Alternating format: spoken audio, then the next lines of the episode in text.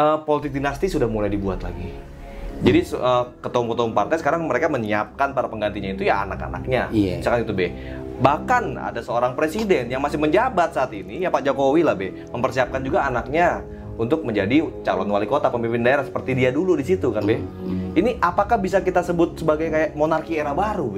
Kalau gitu keikhlasan para raja-raja zaman dulu untuk melepas semua kerajaannya di Indonesia B, kita kesampingkan jadi B. Jadi kalau ujung-ujungnya dibentuk kerajaan yang baru seperti kayak begini kan mirip kayak kerajaan baru B.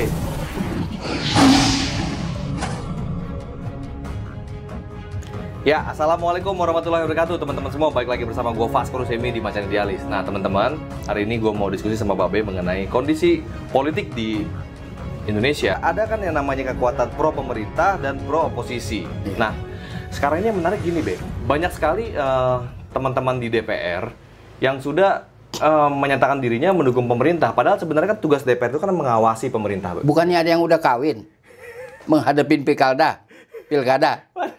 Ah, dia yang kawin. Ada Be Ah, dia yang kawin. Iya, iya, iya, iya, iya. Saya kawin sama dia aja. Iya, iya, iya. gitu. Yang tadinya berbeda arah politik, sekarang kawin. Ya, ya. kawin. Iya, di beberapa tempat tuh Be ya. Bukan cuma satu tempat nih Be. Oh, Ada beberapa merata. tempat. Merata nih Be. Iya, kawinnya merata. Ini kan yang menarik gini Be ya. Jadi khususnya untuk eh, pola politik dalam negeri ini kan jadi kurang seimbang nih sekarang nih Be. Yang tadinya diharapkan DPR MPR ini bisa mengawasi kebij- eh, berjalannya pemerintah ini dengan baik dan benar.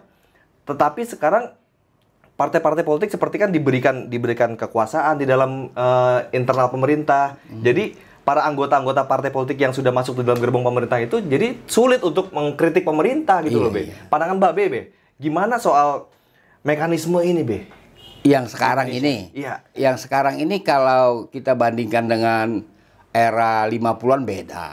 50-an. Beda kalau eh, partai itu sudah ikut pemerintah ya dia pro pemerintah. Oke. Seluruhnya yang di DPR juga. Iya. Kalau dia nggak suka pemerintah, iya begitu pula dia seluruhnya eh, fraksi mereka itu eh, menentang pemerintah. Oke. Kalau sekarang nggak bisa kita buat bipolarisasi, Nggak bisa gitu, Be. nggak bisa yang sekarang. J- Jadi gimana? Sehat nggak kondisi politik kayak sekarang? Iya nggak sehat karena nggak ada kontrol, check and balance nggak berjalan, ya nggak sehat.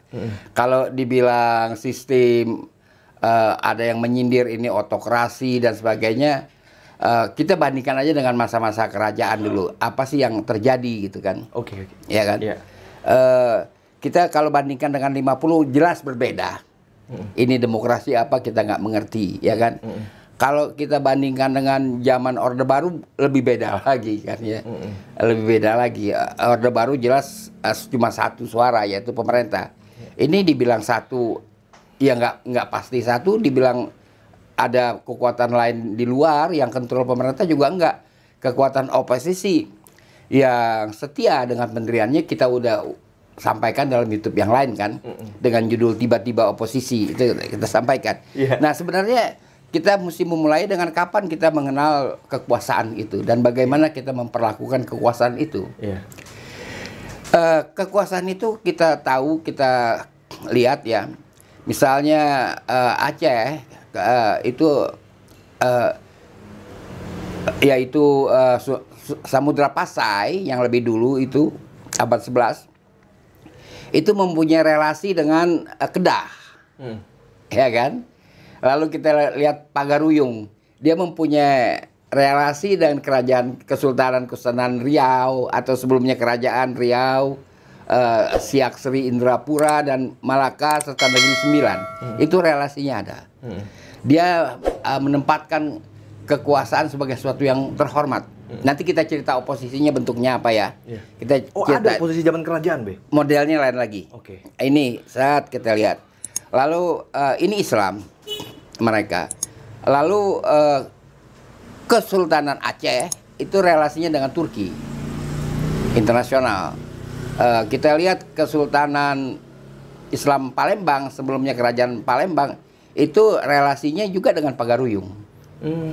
dengan Pagaruyung relasinya. Hmm. Nah, kita lihat di Lampung sebenarnya ada Salaka Brak, mereka bilang sebenarnya Salaka Perak. Itu Salaka kalau bahasa Belandanya verlengstuk, eh, sambungan dengan Kesultanan Perak Malaysia. Oh. Iya. Jadi ini bukan kerajaan tapi minor system, minor bukan mayor system, tapi minor system. Eh, dia mempunyai Minor power system. minor power system atau bahasa aslinya zaman dulu disebut salaka. Nah, itu salaka brak atau perak. B dan P sering metatesis. Nah, lalu kita lihat misalnya eh di daerah Jawa ya ada kerajaan Sumedang, ada eh, apa namanya itu eh Sunda ya kan. Lalu ada Kesultanan Mataram, ada Majapahit di Sulawesi juga ada eh Kesultanan Bolang Mongondo, ada Luwu, ada Goa, ada Bone, ya kan? Ada Bol, eh, apa itu Wolio, di Kalimantan ada Kutai, ada Banjar, ada eh, Mempawah, ada Sambas, ada eh, Pontianak. Lalu di Indonesia Timur ada Ternate, Tidore, Banda Neira. Mereka itu membuat regionalisasi. Oh. Ada regionalisasinya. Oh, semacam kayak ASEAN-nya gitu. Iya. ya? Oke. Ya, itu misalnya Persatuan regional iya. wilayah itu gitu. Iya, Kalimantan Barat ada, Kalimantan Timur dengan Selatan regionalisasinya, lalu Ternate Tidore, ya kan? Itu ada eh, Ternate Tidore lantas Bolang Mongondo, itu kan satu. Eh, kalau eh, kerajaan nggak ada relasinya seperti Kesultanan Banten kan timbul tanda tanya kenapa dia? Iya. ya kan? Inilah bentuk oposisi. Mereka menyerang gitu bentuknya. Misalnya Kesultanan Banten pernah menyerang Bandar Lampung dipukul. Iya. lalu menyerang Kesultanan Islam Palembang kalah. Itu Iya. aja kan? Iya. bentuknya itu salah satu bentuk. Jadi jarang sekali sebenarnya ada power system yang mengambil posisi berlawanan dengan salah satu eh, kesultanan atau kerajaan yang lain itu jarang Oke. nggak hampir nggak terjadi Oke. Eh, Kesultanan Mataram eh, relasinya eh, kita sudah uraikan kepada eh, Sumedang, kepada Bandar Sunda Kelapa ya kan. Yang nggak ada koneksitasnya kan Majapahit. Hmm. Majapahit nggak ada koneksitasnya. Nggak ada. Nggak ada dia menyendiri. Tapi dia tidak mengoposisi siapa pun. Dia dioposisi oleh Belambangan. Oke. Oke, ya, Di, ya, ya. ya dia dioposisi oleh Belambangan. Jadi bukan oposisi itu datang dalam da- dari diri eh, power system itu sendiri, dari diri kerajaan itu sendiri atau dari segi kesultanan eh, dari si- diri kesultanan itu sendiri. Ada persaingan dalam takhta itu tidak jarang menimbulkan perang, hampir nggak ada. Tapi biasanya dari luar. Nah, itu ya satu, ya kan yang pertama. eh kita lihat juga eh, pertarungan Bone dengan Goa ya di Sulawesi. Yang kedua adalah bentuknya bajak laut. Hmm. Itu bajak laut lawan yang paling terbesar dari segala power system di Indonesia pada masa lalu. Hmm. Itu bajak laut. Banyak laut. Bajak laut. Ini pemimpinnya bajak laut ini siapa pada masa itu, Be? Kalau eh, pada abad-abad sekitar 10 ya kan itu adalah base eh, bajak laut sebagaimana dilaporkan oleh Icing itu adanya di Coromandel. Hmm. Pantai sebelah eh, eh, eh, barat eh, India. Iya. Itu di Coromandel. Lalu ada bajak laut eh, yang dari juga dari daerah India, dari Andaman, Kalau Nicobar. bajak laut di wilayah Indonesia, Be? A- ada, ada juga bajak laut di wilayah Indonesia, ada. Itu. Nah, itu yang menjadi lawan mereka. Dia pemimpinnya itu per kapalnya atau per ada kesatuannya sendiri? Ini bajak ada laut apa gitu? Ada geng-gengnya iya, gitu, Be, ya? kita nggak bisa sebut lah ya. Kalau kita sebut kita nggak enak gitu ya kan. kita nggak sebut ada Oke. satuan-satuan bajak laut itu. Kalau disebut nanti jadi soal. Oh ya kan? iya iya iya. Ada begitu. Oh, iya, iya. Jadi itu yang menjadi lawan. Jadi kalau di internal kerajaan persaingan sedikit sekali karena Tidak ada persaingan untuk merebutkan tahta di situ ada enggak? persaingan tapi ter- tidak mempengaruhi besar. Hmm. Ya, tidak Karena monarki kan, Be? monarki dan juga ada semacam MPR-nya yang kita cerita yang instansi pemutus adalah MPR Iya, ya kan. iya. Nah, itu masa lalu. ini mamanya gitu, Be? Iya, Nini Mama. Iya, nah, iya. itu di masa lalu. Dan eh, kalau di masa eh, company, ya kan, di masa VOC itu eh, penentangan ya dari kelompok tarekat. Oke. Oke. Kita udah cerita kan, Iya. ada penentangan itu bukan eh, VOC begitu saja lenggang kangkung menjajah di sini. Hmm. Nggak bisa, nggak didiamkan. Tapi kan VOC nggak menjajah, Be. Iya VOC eh, mengambil keuntungan lah. Oke, berdagang di sini kan, berdagang dengan mengambil keuntungan dengan memeras rakyat dan sebagainya kan dengan kezaliman yang dilakukan itu dilawan. Eh, bukan didiamkan ya kan? Kemudian kita memasuki eh, zaman Jepang kan kita udah cerita ada perlawanan ya kan dari Peta di Blitar dan Sultan Hamid di Pontianak ya kan? Yang dibantu dengan pemuda Muhammadiyah perlawanan. Lah di zaman eh, awal kemerdekaan kan oposisi datang dari Tan Malaka ya kan? Kemudian bentuk eh, perlawanan PKI bersenjata. Kita udah cerita kan, bersenjata. Angkatan kelima. Angkatan kelima pada akhirnya dia membentuk angkatan mau membentuk angkatan kelima. Iya. Itu bentuk oposisinya. Nah, di zaman Bung Karno tetap ada oposisi walaupun itu tidak terlalu efektif ya. Kita eh, cuma menyatakan beda pendapat di lingkungan yang sangat terbatas. Nah, di zaman Pak Harto juga sama eh, kita menyatakan pendapat dalam lingkungan terbatas. Mencari ruang tembak tuh agak susah, tapi ada. Tapi kan Babe oposisi pada masa Iya, itu. kita ketemu ruang Iya. tembaknya, kita nggak selalu sama. Iya. Ya saya anggota DPR, saya gunakan maksimal Pa- peran saya di situ sebagai anggota DPR. Tapi eh, kan kadang-kadang kita merasa kita perorangan aja karena kelihayan aja kita bermain, ya kan? Pada waktu zaman Pak Soeharto, tetap ada. Jadi nggak pernah diam. Oposisi itu jangan salah Mm-mm. oposisi itu nggak pernah diam, tetap bermain, mencari ruang tembak. Nah, zaman sekarang ini saya kira suara rakyat yang oposan itu ma- majority. Hmm. Kalau sekarang, Majority. menurut saya Suara rakyat yang oplosan ya, Be ya? Iya, Kan gini, Be ya. Negara Indonesia kan pada dasarnya memang eh, awalnya negara negara yang monarki, Be. Awalnya bukan Iya. negaranya, Be ya. Sebelumnya sebelum ada negara Bentuknya, Indonesia. bentuk kenegaraannya. Ya. Ada ada tiga power system yang Babe sering sebutkan itu Iya. kan ya. Ya misalnya kita anggap kerajaan memang monarki-monarki yang yang ada di Iya. Indonesia. Nah, yang menarik kan gini, Be. Fenomena sekarang ini konsep monarki yang era baru, konsep monarki new normal ini Eh. kayaknya mulai dibentuk-bentuk lagi nih kayaknya nih, Be. Contohnya misalnya, Be ya. Iya, iya. Kalau saya menganalisanya eh, politik dinasti sudah mulai dibuat lagi. Jadi su- eh, ketua-ketua partai sekarang mereka menyiapkan para penggantinya itu ya anak-anaknya. Iya. Misalkan itu B. Bahkan ada seorang presiden yang masih menjabat saat ini ya Pak Jokowi lah B, mempersiapkan juga anaknya untuk menjadi calon wali kota pemimpin daerah seperti dia dulu di situ kan B. Ini apakah bisa kita sebut sebagai kayak monarki era baru B? Kalau gitu keikhlasan para raja-raja zaman dulu untuk melepas semua kerajaannya di Indonesia B, kita kesampingkan jadi dong B. Jadi kalau ujung-ujungnya dibentuk kerajaan yang baru seperti kayak begini, kan mirip kayak kerajaan baru B kalau gitu. Lah iya kan pada kita udah cerita pada waktu KMB tahun 49 kan dia melepaskan kedaulatan mereka masing-masing seluruh kesultanan Islam Iya. Eh, di Indonesia. Puluhan itu. Bukan sebiji dua biji. Seluruh Indonesia. Iya. karena eh, kita udah cerita bahwa 85% Islam eh, selama 850 tahun kontrol politik dan ekonomi Indonesia. Dan dia lepaskan. Mau NKRI Iya. ya kan? Dia lepaskan semua. Diikhlaskan lah kekuasaannya diikhlaskan pada mereka. Desember itu. Iya. semua. Ya kan? Tapi kemudian eh, mereka terobat hanya pada era 50-an ya Hmm, oke oke. era, era 50-an saja. Iya. Lalu mulai zaman Pak Karno, zaman Pak Harto dari segi politik saya bicara, bukan Iya. dari segi ekonomi. Zaman Pak Harto zaman reformasi tingkat keparahan menjadi-jadi. Iya. Jadi saya jadi ingat dengan eh, apa itu makalah Kaukes Partai Republik sebelum kam- eh, Trump berkuasa Hmm. bahwa Indonesia bukan negara yang tepat untuk menjalankan demokrasi.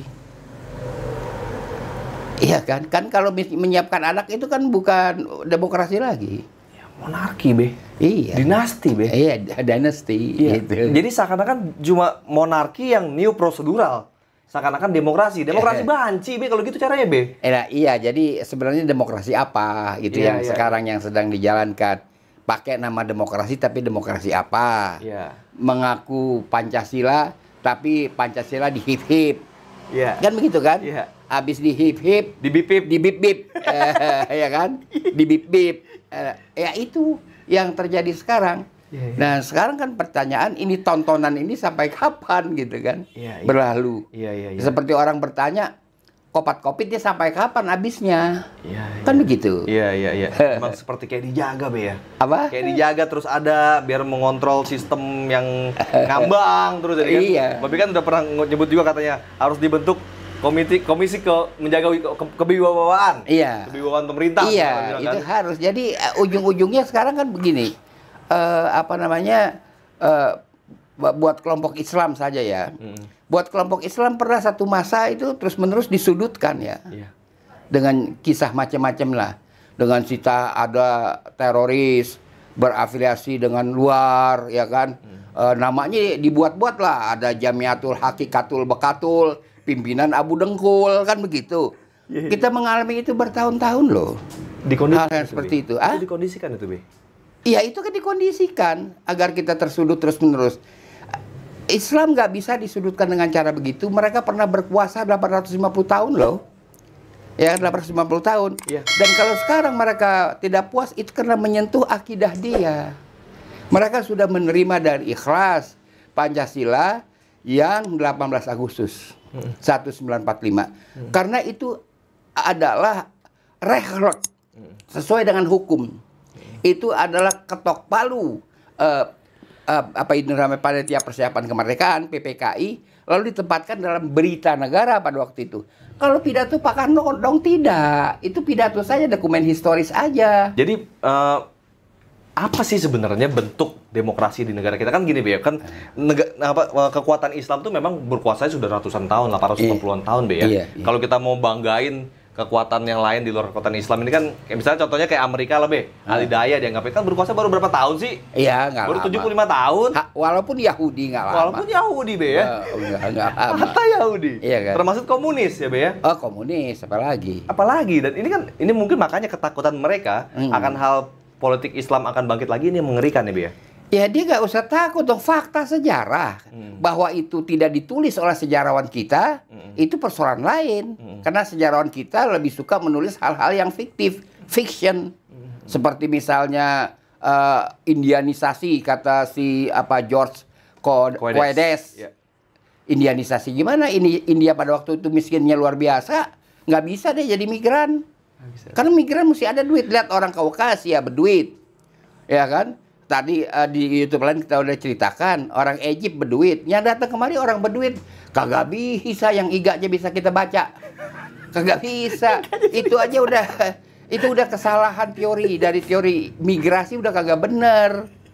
Ya kan? Iya, iya, bahwa Indi- India pernah berkuasa agama Hindu pernah berkuasa nggak benar nggak ada kerajaan Hindu di sini. Di sini nggak ada.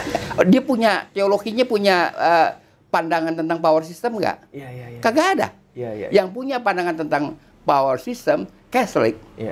ya kan di Indonesia saya cerita Iya, dia iya. punya Belambangan ya kan lalu Islam Majapahit sekalipun itu pun kerajaan Islam kerajaan Islam yang selalu digadang-gadang. ah ya dia klaim sebagai ya. Hindu Iya, Hindu dari mana Raden Wijaya itu orang Kaukasia Iya. kalau Ken nama Ken itu di depan nama itu adalah orang Kaukasia Iya iya iya iya. iya. Ya kan Ya, ini menarik, ini menarik banget loh, Be. Jadi eh, teman-teman perlu tahu ya, apa yang disampaikan Babe kan dari belakangan ini.